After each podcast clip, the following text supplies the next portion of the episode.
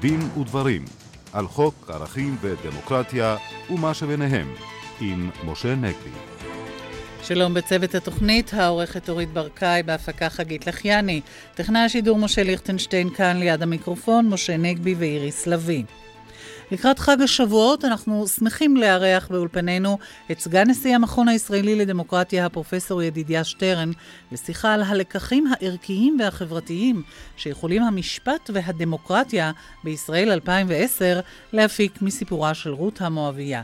נשוחח עם הפרופסור שטרן גם על העתירה לבג"ץ לכפות את לימודי הליבה על מוסדות החינוך החרדיים, וכיצד כמומחה לדיני חרבות, חברות הוא ממליץ לצמצם את שכר הבכירים במשק.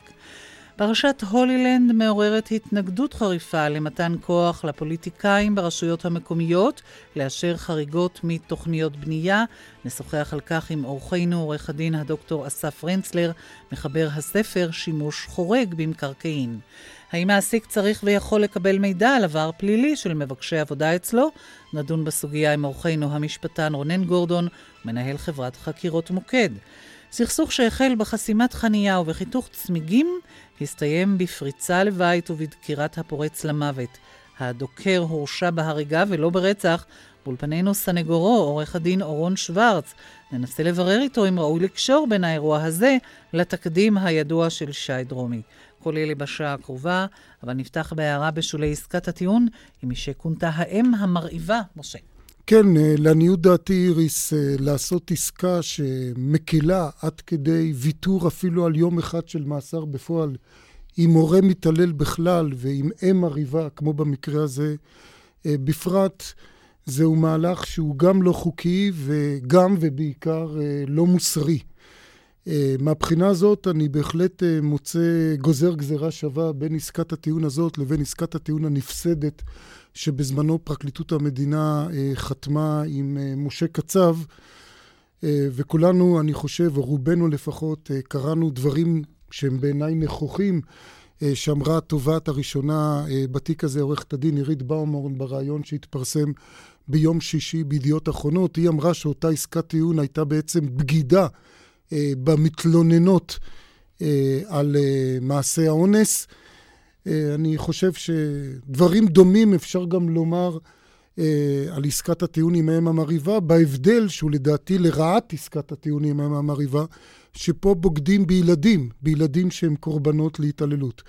קודם כל, אמרתי, העסקה הזאת היא בעייתית מבחינה חוקית, היא עושה חוכא ואטלולא מהחוק.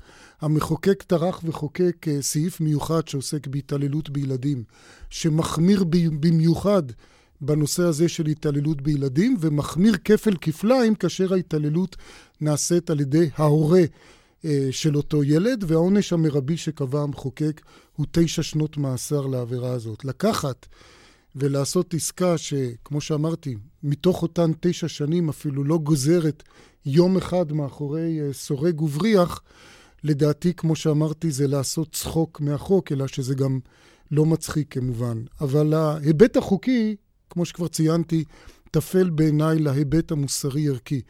יש פה, אני עוד פעם אתבטא בבוטות, יש פה לדעתי התרת דמם של ילדים. אמנם שמעתי את נציגת הפרקליטות מסבירה שהעסקה הזאת דווקא נועדה לטובתם של הילדים. אני לא כל כך מבין איך כאשר מדובר, לגרסת הפרקליטות, באם שמסוכנת, אה, להחזיק אותה במעצר בית זה יותר לטובת הילדים מאשר להחזיק אותה בכלא. אבל גם אם נניח, ואני אומר, קשה לי להניח שזה לטובת הילדים של אותה אם אה, אה, מרהיבה, כפי שהיא כונתה, זה בוודאי לא לטובת ילדים אחרים שעלולים ליפול קורבן להתעללות. ונדמה לי שפה נשתכח מהפרקליטות שבניגוד uh, לסניגוריה, שאולי צריכה לראות לנגד עיניה רק את המקרה הספציפי, היא צריכה לראות את זה בראייה הרבה יותר רחבה. היא צריכה גם לשקול את האפקט המרתיע או האנטי-מרתיע של, או ההפך ממרתיע, של עונש, אם אפשר בכלל להתייחס לזה כאל עונש ראוי במקרה הזה. ואני רוצה לומר שכמו שאמרנו בזמנו, עוד פעם, אני חוזר לעסקת הטיעון עם קצב, שלעשות עסקה אה, בנושא של אה, תלונה על אונס זה דבר חמור במיוחד משום שאנחנו יודעים כמה קשה להתלונן על אונס ואיזה אחוז קטן מהנשים מתלוננות, וכאשר הן רואות שבסוף הדרך עושים חוכא ואטלולא מהתלונה שלהם, ומי עושה? הפרקליטות שאמורה להגן עליהם, זה מרפה ידיים במקרה של התלונה הבאה. גם במקרה כזה של התעללויות בתוך המשפחה במגזר החרדי, שכולנו יודעים כמה קשה לחשוף את המקרים האלה. אמנם במקרה הזה זה היה בבית חולים, והרופאים אה, חשפו את, ה, את המקרה, אבל אנחנו יודעים כמה מקרים כאלה יש אולי שנסתרים מן העין, וכמה קשה להתריע ולהתלונן.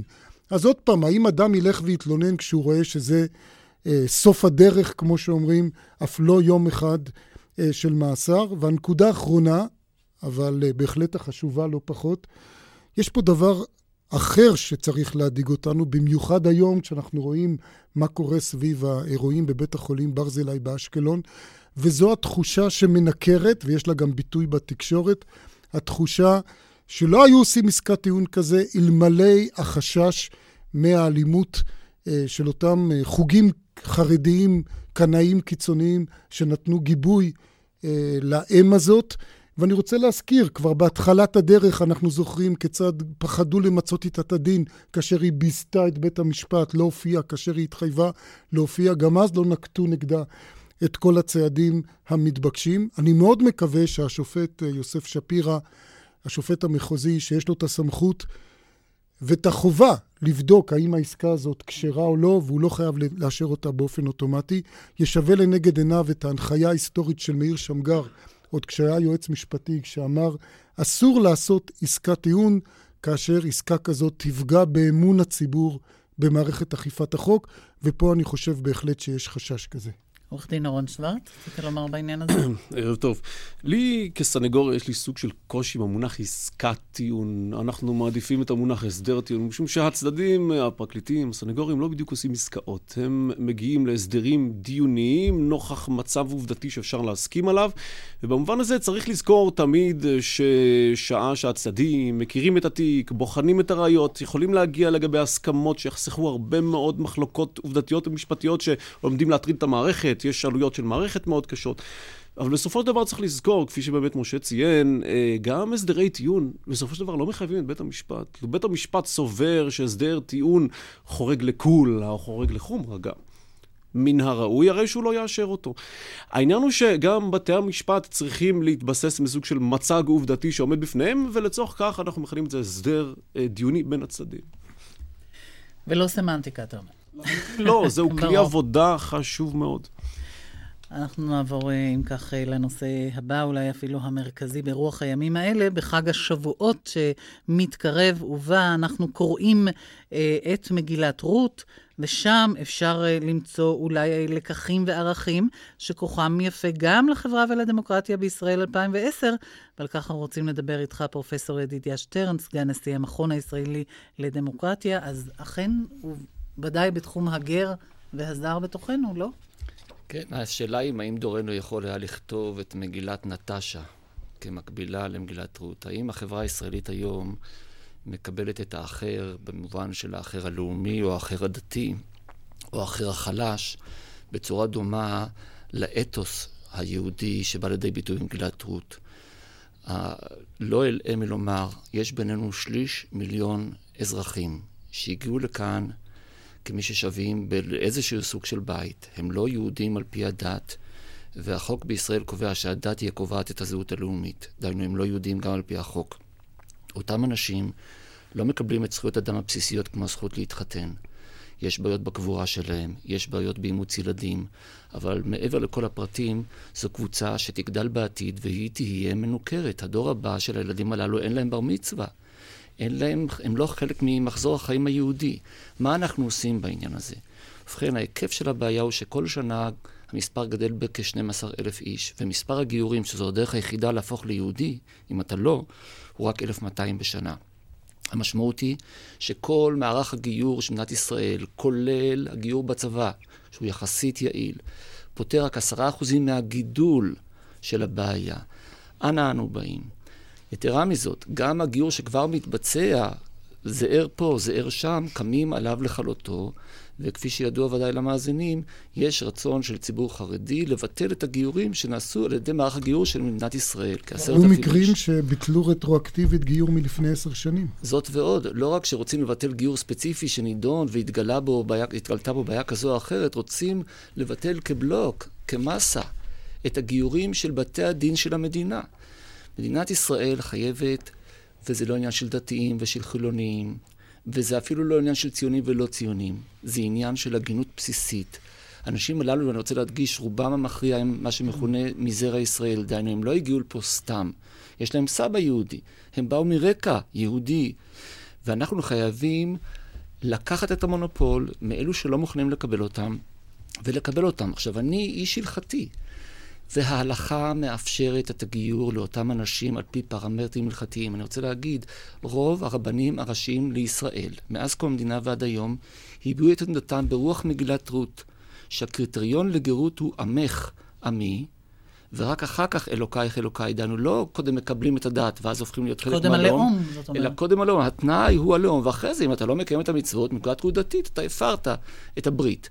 אבל אתה יהודי, כמו שחילוני, אף אחד לא מערער. ישראל אף על פי שחטא ישראל הוא. נכון. עכשיו, כל העניין הזה הוא סימפטום לדבר רחב יותר. אנחנו מוסרים את המונופול על היהדות שלנו. אני מדבר כרגע על שער הכניסה, אבל זה נכון גם משנכנסנו לקבוצת מיעוט. הזכרנו את זה מקודם בדוגמה של חיים מרהיבה, מי שהקשיב לחדשות שומע את זה לגבי ההפגנות, אה, לגבי בית חולים ברזילי, והדוגמאות הן רבות ביותר. חובה על הציבור בישראל לטעון, אני יהודי גם בלי ההכשר החרדי. משימה לציבור. וגם לממסד. כן. אני חושב לא שהפוליטיקה הישראלית מזניחה את תפקידה. נכון. כן, עכשיו, אנחנו כולנו זוכרים, הזכרת שעיקר ההתקוממות של החרדים היה לגבי אותם גיורים שמי שעמד בראש מערך הגיור היה הרב דרוקמן, והוא בינתיים פרש מהתפקיד הזה, אולי גם בגלל אותה אה,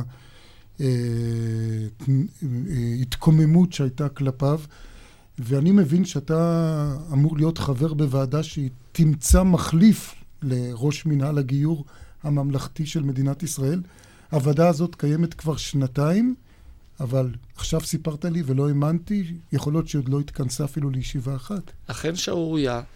אם הבעיה היא רצינית, מן הסתם המדינה רוצה לטפל בה. לכן מינו ועדה שבראשה עומד הרב הראשי הראשון לציון, הרב שלמה עמאר, שמטרתה הייתה לאתר, ועדת איתור, למחשיף, למחליף של הרב דרוקמן. הוועדה הזו מעולם לא התכנסה. אני חבר בה, מוניתי להיות חבר בה, מעולם לא ישבנו יחדיו. כלומר, מי שאני, אחראי על מערך הגיור עכשיו? לפי מה שאני קורא בעיתונות, הסיבה להיעדר הכינוס הוא חוסר רצון לתת לקולות השונים, ובהם גם הקול שלי, להישמע כדי להחליט על האיש הבא בתור, שייקח לעצמו מטעם המדינה את המשימה. זאת אומרת שדרך הטיפול של המדינה במשימה הוא התעלמות ממנה. כלומר, בעצם אה, יכול להיות שגם מפקפקים בכשרות שלך, אולי, פרופסור שטרן, אה, בעיני אותם אנשים. אני חושב שזו מסקנה מתבקשת, לצערי. כן, אה, דיברנו על הנושא של הגרים, אבל כמובן ההתייחסות במגילת רות אל רות כמואביה, ונזכור שלהלכה, על פי ההלכה, מואבי היה מוקצה מחמת מיאוס, ההתייחסות אליה מעלה גם את השאלה של התייחסות לזר שהוא לא גר, ואני פה כמובן מכוון לכל העניין הזה של מהגרי עבודה, מהגרי עבודה חוקיים, מהגרי עבודה לא חוקיים, פליטים. אני לא יודע איך אתה מרגיש, פרופסור שטרן, ויתר הנוכחים פה. אני מצטמרר כל פעם שאני רואה את הקמפיין הזה בטלוויזיה, על אותם אנשים שכביכול גוזלים את פרנסתנו ואת פרנסת ילדינו. זה מזכיר לי ממש אה, סוג תעמולה גזעני. מהמוקצה ביותר, ונדמה לי שבמדינות מתוקנות אמנם נתקלים לפעמים בקמפיינים כאלה, אבל הם בדרך כלל של קבוצות ימין קיצוני גזעני. אני לא זוכר ממשלות דמוקרטיות שמנהלות מטעמן קמפיין כזה. איך אתה רואה את העניין כן, הזה? אני ארחיב את התחזית ברשותך. היהדות לא עסקה במשך אלפיים שנה ביחס לאחר, משום שהיא תמיד הייתה בעצמה האחר. חיינו בתנאי גלות, מעולם לא שלטנו על אחרים, לא מעולם, באלפיים שנה האחרונות לא שלטנו על אחרים, ולכן גם המחשבה וגם ההלכה וגם הנוהג, הזיכרון ההיסטורי, לא ייצב התייחסות אל מיעוט שבשליטתנו. אפשר לומר, אם צריך לשים אצבע, על האתגר הגדול ביותר של היהדות ברגע שקיבלנו ריבונות, זה להשתמש בריבונות באחריות, להפעיל את הכוח, שהוא הריבונות, מתוך חמלה לאחר, מתוך יישום של ה-DNA הבסיסי של היהדות. הדבר שמוזכר יותר מכל דבר אחר בחמישה חומשי תורה, יותר מלא תרצח, יותר משבת, יותר מייחוד האל, זה היחס אל הגר. והגר, במקרא אין כוונה, כוונה לקונברט, לזה שממיר את דתו, אלא החלש. לזר. לזר, נכון. לזה שזקוק לעזרה, זה שאיננו חלק מהחבר'ה, בלשון uh, עממית. ובכן, הדבר הזה, היכן הוא קיים היום במדינת ישראל? למה אני לא רואה רבנים נעמדים ברחובה של עיר וצועקים? המשימה היהודית שלנו, אני לא מדבר על הדמוקרטית, אני לא מדבר על שיח זכויות אדם שזה פשוט, אלא המשימה היהודית שלנו זה לטפל בחלש, בזר, באחר, בעני, באותה שורה. כן, אז אולי אני, בוא נזכור שוב, חוזרים למגילת רות. הרי אנחנו זוכרים שנסיבות ההיכרות אה, בין אה, נעמי ורות אה, לבין בועז וכולי, זה היה על הרקע הזה של הקצאת אותו חלק מהיבול לעניים וכולי, אותה מצווה שכולנו מכירים. והסולידריות בעצם, נכון. ועוד פעם, סולידריות גם בתוכנו וגם כלפי הזר שבתוכנו. נכון. גם זה נדמה לי לא קיים היום. תראה, הלקט, השכחה והפאה. כן. שהם הביטוי האולטימטיבי בתרבות חקלאית, לזה שאני, כשיש לי, אני מתחלק עם הזולת, התגלגלו היום למציאות שבה הפערים בין העשירים והעניים בישראל הם החמורים ביותר, הגדולים ביותר במדינות uh, המערב. מצד שני, אני לא רוצה לצייר רק תמונה חד צדדית. שימו לב לביטוי אחי. כן? לא רק בגולני, בכל מקום. יש איזה דבר בסיסי שאנחנו מרגישים אחים. אבל ההגדרה מבתוך הכלל של האחים היא הגדרה סגורה. ואת ההגדרה הזאת... זו הגדרה אקסקלוסיבית, נכון, שמוציאה את האחרים. נכון. היא מכניסה אחרים, אחרים מסוימים, אבל לא את כל האחרים. ואני חושב שחלק מהיכולת שלנו לשמר את עצמנו גם כדמוקרטים וגם כיהודים, גם אנשי זכויות אדם, וגם אנשים שמחוברים למסורת שלנו, זה לומר לעצמנו שזכויות האדם מקורם במסורת היהודית. דווקא. זה לא האחר, מסורת זכויות אדם, זה אנחנו. זה צריך לבוא לידי ביטוי גם בדרישה של הקהל הרחב, גם בפוליטיקה הישראלית וגם על ידי אנשי דת מקומי.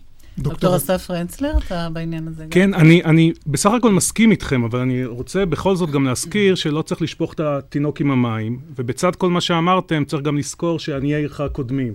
ולכן זה בסדר שנקבעות מכסות, זה בסדר שבשביל אה, לקבל עובד זר צריך רישיון. השאלה איך נוהגים באמת באנשים שגורלם התאכזר אליהם, שברחו מכל מיני מוקדי אסונות. צריך לטפל באנשים הללו. לכן אני קצת לא כל כך מתחבר למה שמשה אמר בקשר לתשדיר שירות. זה בסדר שהמדינה מפקחת על כמות העובדים הזרים. זה בסדר בעיניי. השאלה אם היא מפקחת או אם היא מחליפה אותם בעובדים אחרים, אה, רק כדי שאיזה חברת כוח אדם תוכל לגזור קופון. כי אנחנו לא רואים שיש פה צמצום של המספר, אלא... זו בעיה אחרת ואני מסכים איתך בנקודה הזאת. אין, אין ספק שכדי שנשמר על אופיינו כמדינה יהודית, צריך לשים גדרות מסביב ושערים ובקרה. יש דיני הגירה בכל מדינה, בכלל על כך אין ספק. השאלה היא מה, מה האחריות שלנו למי שנמצא פה. אבל זה, אני חושב, אנחנו צריכים להכות על החטא. אולי נדבר איתך גם על נושא נוסף, אה, שאתה גם אה, קשור אליו, אה, מומחה בעצם לדיני חברות. שכר הבכירים במשק. זה חלק מאותו פער ענק שלא ניתן בכלל לכימות. מלשון כמות, איך אתה רואה את הדברים? כן, לדעתי בוודאי יש כשל שוק, ועכשיו אני עובר לדבר בשפה של יעילות דווקא, משום שהיא נשמעת יותר למרבה הצער במקומותינו. יש כשל שוק, אין קשר בין השכר של בכירים בחברות לבין הביצועים של אותן חברות. אם אין קשר שכזה, אין סיבה לתת שכר מוגזם.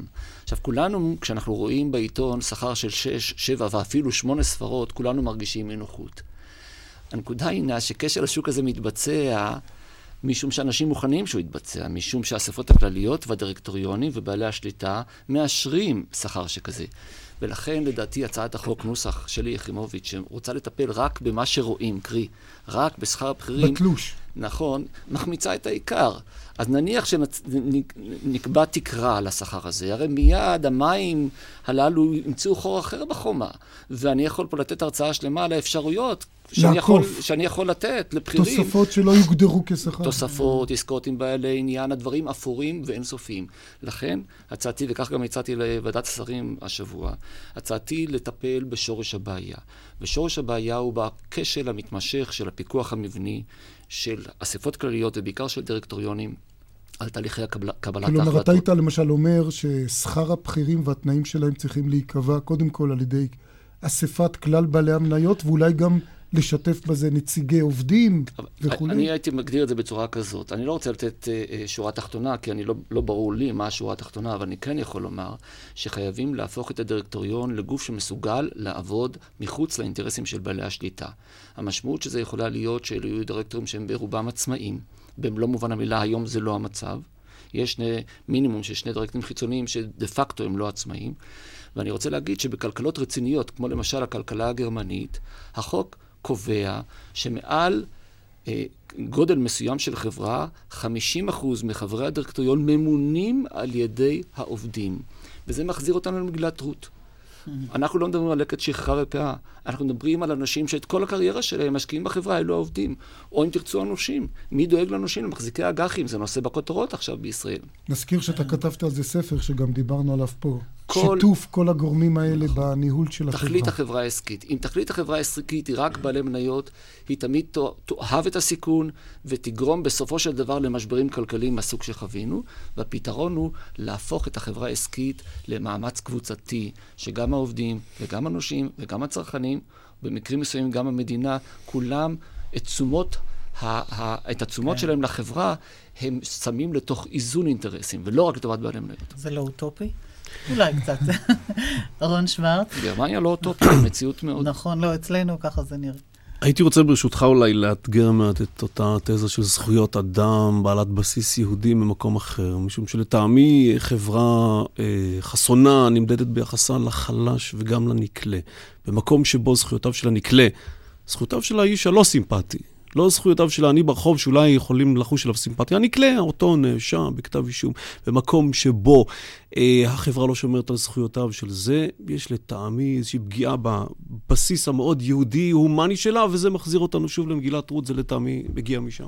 מסכים, פרופסור שטרן. כן. כן, אולי אני רק אה, אומר שכתבנו שמוליק טל ואלון שני, שכנראה מאזינים לנו, העבירו לי עכשיו אה, הוראה שפרסם היום החשב הכללי במשרד האוצר, שוקי אורן, שאוסרת להעסיק עובדים זרים במיזמים ממשלתיים בתחום הבנייה והתשתיות ואספקת שירותי ניקיון. כל ספק שמבקש להשתתף במכרז של המדינה יידרש להתחייב, שימו לב, שלא להעסיק עובדים זרים. אגב, לא נאמר פה רק עובדים זרים לא חוקיים, אני מניח שזה גם כולל עובדים זרים חוקיים.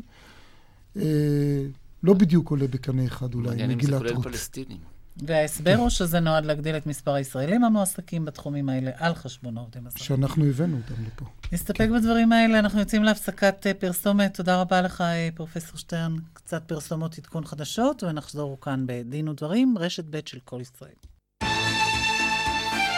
ואנחנו כאן uh, בדין ודברים, משה. כן, פרופסור ידידיה שטרן, אני לא מתאפק מלנצל את שהותך פה כדי לשאול את דעתך.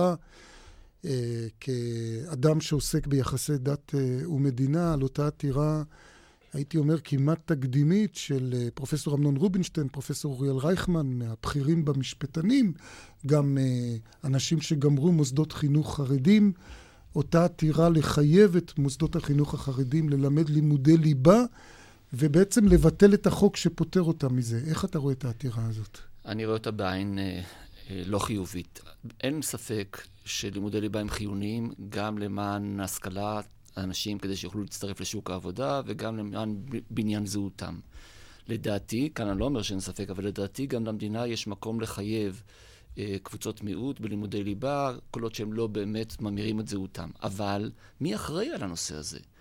אין בעיניי כל דרך להצדיק התערבות שיפוטית בנושא שכנסת ישראל אמורה לטפל בו. אם אכן, כמו שאומרים לנו הסקרים, 80% מהקהל רוצה לימודי ליבה, שתתכבד הכנסת ותעשה את המעשה. להשליך את התפוח הלוהט הזה במקום שהכנסת החליטה אחרת אל בית המשפט, פירושו של דבר לומר, הדמוקרטיה שלנו איננה מתפקדת, ויש לנו כאן שלטון המשפטנים בזהות זה עניין קלאסי שאין בו ערך למשפט, אלא לקבלת החלטות בשוק הרעיונות, בשביל זה יש פרלמנט. בעצם מה שאתה אומר, שפרופסור אמנון רובינשטיין פה מבקש מבית המשפט להיות סופר אקטיביסטי, כאשר זה, אנחנו יודעים שבדרך כלל אמנון רובינשטיין לא אוהב את האקטיביזם השיפוטי. טוב, מעניין לראות איך בג"ץ יתמודד עם העתירה. אני מקווה שהוא יחזיר את זה לכנסת. תודה, ועכשיו אל הנושא הבא. לספרך, דוקטור אסף פרנצלר, שימוש חורג במקרקעין, העוסק בסמכות uh, ועדות התכנון המקומיות לאשר חריגות בנייה. על רקע פרשת הולילנד, uh, השאלה הזאת כמובן צפה ועולה, ואתה לא חושש למתן סמכות יתר לפוליטיקאים, לאור uh, מה שראינו? תראי, איריס, לתת סמכות לפוליטיקאים זה תמיד דבר שיכול להיות מסוכן. מצד שני, אין ברירה. חייבים לתת סמכות בידי נבחרי העם. אה, תכנון הוא עניין פוליטי מטבעו, ולא רק שהוא פוליטי, הוא גם מקומי. מכיוון שלא הייתי רוצה שנניח את uh, עתיד התכנוני של כפר סבא יקבע השלטון המקומי. אני חושב שמי שצריך לקבוע את העתיד התכנוני של כפר סבא זה ראש עיריית כפר סבא. עכשיו, זה נכון שאם ניתן uh, כוחות בידי ראש עיריית כפר סבא, וזה כמובן דוגמה בלבד, uh, יש פה סכנות uh, שדיברת עליהן, אבל uh, צריך uh, למצוא את המנגנונים על מנת uh, למזער את הסכנות הללו ולדעת להתמודד איתן. שהם על ידי באמת אילו, אילו מנגנונים? ראשית לכל, uh, אכיפה. מערכת האכיפה שלנו היא לא יעילה. Uh, לאחרונה נעשים מאמצים בשנים האחרונות, בשלוש שנים האחרונות, נעשים מאמצים uh, להגביר את האכיפה. אנחנו רואים, uh, אי אפשר כמובן להתעלם uh, מפרשת uh, הולילנד, צריך לזכור שפרשת הולילנד, שאנחנו מדברים עליה, ואנחנו רואים את הדמויות שבהן מדובר, שהן ברמה המקומית, זה קצת מטעה, מכיוון שצריך לזכור שהפרויקט הזה, אה, הפרויקט, ש, אה, ההשבחה שהוסיפה יחידות דיור, ששינתה את הייעוד ממלונאות למגורים, היא בסמכות הוועדה המחוזית. מי שאישר את השינוי הזה, זה לא ראש עיריית ירושלים, זה לא בסמכות שלו, ולא הוועדה המקומית ירושלים. לכן אנחנו רואים... אתה ש... בעצם אומר שבמקרה הזה השחיתות לא הייתה בדרג של הפוליטיקאים המקומיים, אם הייתה שחיתות כמובן. בוודאי. אם הייתה, היא לא יכולה להיות אך ורק בדרג המקומי. היא בראש ובראשונה בדרג, המח... בדרג המחוזי. ולכן אנחנו רואים שגם השיטה הזאתי... אה, ואני מדבר כמובן על הרפורמה שמבקשת להעביר עוד יותר סמכויות mm-hmm. לוועדה, לוועדות המקומיות. פרשה כמו פרשת הולילנד, אם הייתה, היא כמובן לפני הרפורמה. היא כאשר על הדרג המקומי, יש פיקוח של הדרג המחוזי. כן, אבל אתה לא יכול להתעלם, נדמה לי, דוקטור אנצלר, מכך שראש עיר, הבאת דוגמה של ראש עיר, הרבה יותר תלוי אה, בבעלי הון, באותה עיר שבה מתבצעות תוכניות הבנייה שיש לו סמכות לאשר חריגה מהם, אה, הוא הרבה יותר תלוי בהם. הזיקה של הון שלטון במקום קטן או במקום מקומי הרבה יותר חזקה מאשר במישור הארצי. נכון, אבל הזיקה של הון שלטון קיימת גם בעניינים ארציים, כאשר אז הדרג הוא הדרג הארצי. זה בוודאי שזה קיים גם ברמה המקומית. צריך לטפל בזה באותם כלים, אבל אין אפשרות שמי שיתכנן יהיה הדרג המחוזי. תאר לעצמך דבר, אה, אני אתן לך דוגמה נורא פשוטה. לאדם יש חלקת קרקע שמועדת למגורים, וכרגע בנוי עליה בניין בין שתי קומות. והוא רוצה לבנות עליה, על, על אותה קרקע, להרוס את הבניין, ולבנות בניין בין חמש קומות. היום, מי שצריך לאשר את זה זה דרג מחוזי. זה דבר שלא יעלה על הדעת. הרפורמה מדברת על כך שפרויקטים מסוג זה יהיו בדרג המקומי. יהיו בדרג בכך. של ראש העיר, בהחלט. אין דרך אחרת. עכשיו, אין... מה שגיליתי מהספר שלך, אבל, ואני חושב שרוב האנשים אה, אולי לא מודעים לזה, בוודאי רוב האנשים שאינם משפטנים, זה שבעצם לא צריך את הרפורמה הגדולה הזאת, אלא אתה ממליץ פשוט לעשות יותר שימוש בסמכויות שכבר קיימות היום בחוק לוועדה מקומית. אה, לשנות אה, אה, ייעוד או, או לתת את אותו אישור לשימוש חריג. אולי בקיצור תוכל להסביר את הנקודה. נכון מאוד, משה. הנקודה אולי החשובה ביותר שכדאי להבין היא שהחוק הוא בסדר. לכאורה מי שקורא את החוק רואה מערך סדור של תוכניות, מתוכנית ברמה גבוהה לתוכנית ברמה נמוכה. מערך סדור של, מוס, של מוסדות, ממוסד ברמה הארצית עבור במחוזית, כלה במקומית, מנגנוני פיקוח. הבעיה היא בדרך שמפעילים את החוק. זו הבעיה שלנו. הבעיה שלנו היא לא בחוק, היא בדרך שמפעילים אותו. בכל השאר, הוא על ספרך. תודה רבה לך, דוקטור אה, אסף פרנצלר. ועכשיו אל הנושא הבא, המשפטן והחוקר הפרטי רונן גורדון איתנו באולפן, ואתה מוטרד מכך שבנק, למשל, איננו רשאי לדרוש ממי שמבקש לעבוד אצלו תעודת יושר, או לקבל מידע במשטרה על עברו הפלילי. נכון מאוד. המצב היום... הוא שמעסיקים פרטיים אינם יכולים לבדוק את העבר הפלילי של מועמדים לעבודה אצלם. אה, זה יכול להיות בנק, זה יכולה להיות אה, כל חברת פיננסים, או כל עסק פרטי. אה, למעט עובדים שנדרש רישיון לצורך העבודה שלהם, רישיון של המדינה, כמו חוקר פרטי, שבשביל לקבל את הרישיון הייתי צריך, משרד המשפטים קיבל מהמשטרה את העברי הפלילי, אבל אם אני אעסיק בחברה שלי מזכירה, אני לא יכול לבדוק את העברה הפלילי. ואז נוצר מצב... כלומר, במגזר הפרטי אי אפשר לבדוק את העברו של אדם. במגזר הפרטי אי אפשר משתי סיבות. אחת, שהמחוקק קבע, מי שביודעין השיג מן המרשם במישרין ובעקיפין מידע שאינו זכאי לקבלו, דינו מאסר. זאת אומרת, אם, אם, אה, אם אני אבקש ממועמד שיראה לי את העבר הפלילי, אה, אני עובר על החוק. ומהצד השני, באה המשטרה ושינתה את התדפיס עצמו של העבר הפלילי. כלומר, שגם אם אני ארצה לעבור על החוק, ואני אבקש ממועמד והוא יראה לי את התדפיס, המשטרה עשתה תדפיס כזה, בכוונה, ביודעין, היא גם מפרסמת את זה ב, אה, באתר שלה, שהעמוד הראשון שמוגש על ידי המועמד למעסיק, הוא עמוד זהה בין אם יש לך עבר פלילי, בין אם אין לך עבר פלילי, ולא ניתן לדעת ממנו את העבר הפלילי. אולי כדי לחדד את הדילמה או את הקושי שאתה אה, מעלה פה, כבר הזכירה קודם אה, איריס את הדוגמה של בנק, בוודאי שלבנק יכול להיות אינטרס לגיטימי, ואולי גם ללקוחות הבנק, לא לבנק, שאם למשל הוא מקבל את תפקיד אה, טלר אפילו, פקיד ברמה הכי נמוכה שמתחיל לעבוד ולשרת אותנו הלקוחות, שהוא יוכל לבדוק למשל אם האיש הזה בעבר הורשע במעילה אה, בכספים, ואתה בעצם אומר, במקרה הזה הוא לא יכול לעשות את זה, כי כדי להיות פקיד בבנק לא צריך שום רישיון.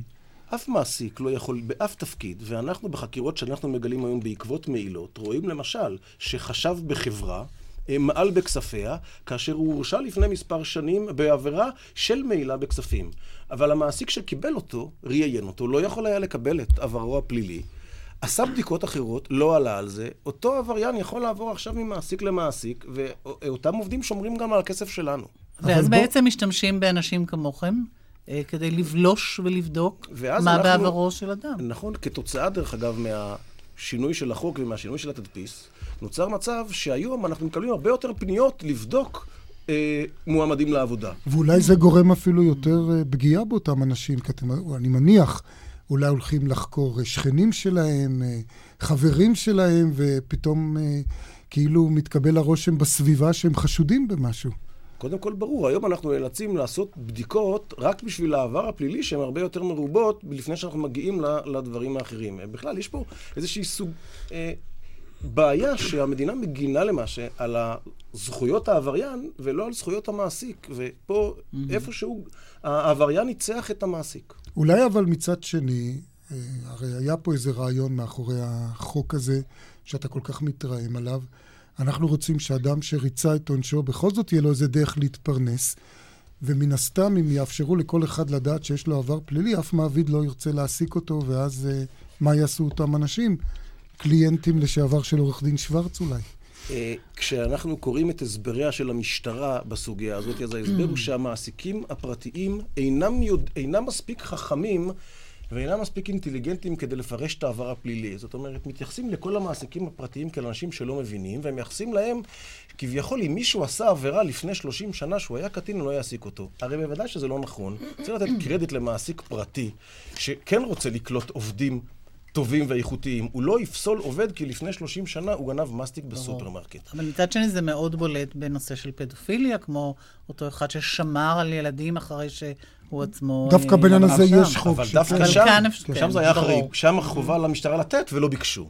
כן. דוקטור רנצלר, רצית להגיד? כן, שתי הערות קטנות. אה, דבר ראשון, החוק הוא מוזר בעידן המידע שבו אנחנו חיים, מכיוון שאנחנו יודעים שאת אותו טלר שהורשע בעבר בעבירה של מרמה, אתה יכול למצוא את פסק הדין שלו במאגרי המידע באינטרנט. מאגרי פסקי הדין. בוודאי. זאת אומרת, אה, תעודת יושר מהמשטרה, אסור לך לדרוש ממנו, אבל אם תקליד... תכתוב את השם שלו בגוגל. פשוט בגוגל, כן. בדיוק. זה נקודה אחת. ונקודה שנייה, שלפני זמן לא רב הוגשה עתירה נגד החוק הזה. ואני מחזיק בידיי את פסק הדין הקצר מאוד של הנשיאה בייניש, שאומרת, הטענות שהעלה עותר בפנינו הן בגדר, ביק... הן בגדר ביקורת על התיקון לחוק המרשם הפלילי, גם אם יש מקום לשקול את טיעוניו, הרי הזירה המתאימה להם איננה בבית משפט זה, ולפיכך בהמלצתנו חזר בו העותר מעתירתו, והנה לך קישור לנושא הקודם, העתירה של פרופסור רובינשטיין בעניין לימודי כן. הליבה, יש נושאים שבית המשפט חושב שלא מתאימים להידון בבית המשפט. אורן שוורט בכמה מילים. כן, אולי רק מילה אחרונה לנושא הזה, לטעמי, אינטרס השיקום של אדם. הוא אינטרס רב ערך, ובשמו אני חושב שבהחלט ראוי לחסום את הגישה החופשית הזאת למרשם הפלילי. כן. ואגב, כאן בתוכנית היה, נדמה לי, עורך דין ערן לב, שגם אה, מישהו שטבע את גוגל על זה שכל דבר שהוא עושה מיד מופיע, אז גם כאן הדברים לא פשוטים. כן. ביחס לאינטרס השיקום, אני חושב שאם המדינה רוצה לשקם את העבריינים, שהיא לא תבקש תעודות שתשקם יושר. אותם. יש פה מצב אבסורדי, המדינה עצמה יודעת את העבר הפלילי של האנשים, היא לא מקבלת אותם, ואז הסקטור הפרטי צריך לקבל אותם ואסור לו לדעת. כן, בנושא הזה, תודה לך, אה, רונן גורדון. ועכשיו אל הנושא הבא. בית המשפט המחוזי בתל אביב זיכה מרצח והרשיע בהריגה אזרח מחולון שדקר למוות אדם שפרץ לביתו בעקבות סכסוך על חנייה וחיתוך צמיגים. ועורך דין אורון שוורץ, אתה בעצם סנגורו של הדוקר. ספר לנו את הסיפור. שלום, כן, אני סנגורו יחד עם עורך הדין יוגב נרקיס. אה, עזרו גם הקליניקה לפרקטיקה סנגוריאלית בקריאה האקדמית אונו. אה, שאנחנו עומדים בראשה, אה, ובהחלט זאת פרשה מאוד מעניינת, משום שהיא ערבה, או לפחות אה, אתגרה הרבה מאוד שאלות, ביניהם את אותו חוק המכונה בלשונם חוק דרומי, או למעשה תיקון הגנת מקום המגורים. בקצרה... אולי נזכיר שמישהו פורץ, פולש לביתך, אתה בעצם יוצא אה, נקי מאשמת רצח, אם הרגת אה, אותו. אולי מעט יותר לדייק, אה, חוק דרומי נוצרה בשל אותו אה, נגב פרוע, שבו חקלאים אומללים עומדים אה, חסרי אונים כנגד פריצות חוזרות ונשנות, גנבות העדרים שלהם, חברות ביטוח שאינן רוצות לבטח אותן. אה, ובמקום הזה ביקשו להעניק אה, איז- איזשהו סוג של הגנה בעקבות אה, מקרהו המצוע, המצער של, של אה, אותו חוואי של שי דרומי. שמצא את עצמו אה, מול פורצים, ירה והרג אחד מהם. מכאן קמה הצעת חוק שביקשה אה, להכיל את הסיטואציה המגנה אה, באופן ברור. הרבה יותר רחב. עכשיו אבל מסתבר שהצעת החוק הזאת יכולה להיות רלוונטית לא רק בנגב הפרוע, אלא גם בחולון השלווה. לחלוטין. נניח, ואולי תספר בשתי מילים את הסיפור שככה איריס נתנה בצורה טלגרפית. כן. אנחנו עוסקים באדם שהיה ידוע כמעורר בנפשו, למרות שהוא נמצא כשיר לעמוד לדין, אה, מצא מישהו שחונה בכניסה לביתו. חוסם את החניה. חוסם את חנייתו, אה, ולכן ניקב את ארבעה צמיגה במעשה שאף אחד מאיתנו לא חושב שהוא בסדר. לאחר שעשה את זה, הסתגר בביתו, נעל את שערו. אה, אותו, אותו אדם, יחד עם שכן שהוא שהה אצלו, גילו את ארבעת הצמיגים הנקובים, התפרצו בכוח, תוך שהם שוברים איזשהו שער, נכנסים לחצריו של האיש, חוצים כלבת פיטבול, מכים אותו בראשו באמצעות חפץ כהה, ורק בשלב הזה הלקוח שלי דוקר. וכאן קמה שאלה, האם, אה, מה היינו עושים אנחנו, שעה שאנחנו נמצאים בפתח ביתנו, יכולת הנסיגה שלנו היא כמעט אפסית. אנחנו מוכים, אנחנו זבי דם, ובאופן הזה, כמעט באופן אינסטינקטיבי, אנחנו מגינים. אני מבין שבניגוד למקרה של שי דרומי, ובניגוד למה שאתם ביקשתם כסנגורים, בית המשפט לא הסכים לזכות אותו לגמרי, אם כי הוא הפחית את זה להריגה. לחלוטין, שעה שאני ועורך דין יוגב נרקיס אה, הצגנו כאן אה, בתיק, אה, סברנו שיש להעמיד אה, כמה אה, חומות של הגנה, בין היתר לטעון לחוק הגנת אה, מקום המגורים, שתכף נדבר עליו, אני מתאר לעצמי מעט בהרחבה, סייג ההגנה העצמית, ולחל... ו... בראשם של דברים היה חשוב לנו מאוד לקבוע שאין כאן עבירת רצח. יש כאן לכל היותר אולי סוג של חריגה מן הפרופורציות שמעמידה אותנו במקום של עבירת זאת הריגה. השאלה, זה מידתי לדקור למוות כשבאים להכות אותך. זה נכון. אומנם נורא שמכים אותך, אבל אה, הש- מכאן ועד דקירה. אני, אני סובר שאולי כל אחד מאיתנו צריך לחשוב מה הוא היה עושה במקומו. שעה שאתה מוכה, שאתה, שעה, שאתה, שעה שאתה מפוחד ומבוהל, כפי שאכן נקבע בהכרעת הדין. ולכן אני ועורך דין יוגב נרקיס סברנו שאת ההגנות כאן יש בהחלט לבחון אותן בשיא הרצינות. אבל אנחנו כן מברכים על התוצאה שלפחות אה, דעת הרוב במשפט סברה שאין כאן עבירת רצח. הייתה דעת מיעוט של השופט שוהם, שזה רצח בכל זאת. אמת, אמת. יש כאן, אה, יש כאן דעת מיעוט. אגב, מה שמעניין בדעת המיעוט של, אה, של שוהם הוא, היא ההתייחסות המאוד קונקרטית שלו לאותה הגנת מקום המגורים. וכאן אולי זה יוצר את הקונטקסט הכללי יותר והמעניין יותר, שכן, הגנת אה, אה, מקום המגורים קובעת באופן מפורש, לא יישא אדם באחריות פלילית למעשה שהיה דרוש באופן מיידי כדי להדוף מי שמתפרץ או נכנס לבית המגורים, בית העסק או המשק החקלאי המגודר. רבותיי, לבית המגורים. כלומר, החוק הזה חל בסיטואציה האורבנית ביותר. לא רק בנגב. לחלוטין לא רק בנגב. אמנם הנגב חסר אונים, אבל, וגם למיטב ידיעתי, חבר הכנסת ישראל כץ... גם במגדלי אקירוב. לחלוטין, לחלוטין. אדם שעומד מול, מול פורץ, ואכן קובע כבוד השופט שוהם, לטעמנו, קביעה שמעורר אצלנו, אצלי, אצל עורך דין יוגב נרקיס, סיטואציה מעט בעייתית, משום שהוא סובר, ואני מצטט כאן, כי ההגנה הזאת מיועדת לסיטואציות שונות בתכלית. וכאן יש לנו קושי, משום שהרצון לגזור את המקור של תיקון החוק, בכדי לא להכיל אותו במקרה אחר שהחוק כן מאפשר אותו, לטעמנו מציב, מציב שאלה בעייתית. כן, בבקשה, אה, אסף רנצלר. אולי טיפה כדי לאזן את התמונה, אני מתחבר למה שאיריס אמרה, החוק קובע שההגנה לא תחול אם המעשה היה לא סביר בעליל בנסיבות העניין לשם עדיפת המתפרץ או הנכנס, וכמו שאמרה איריס, לא בטוח שהיינו רוצים להעניק הגנה למי שמגיב אה, לדבר כזה בדקירה שמובילה לרצח. או למוות.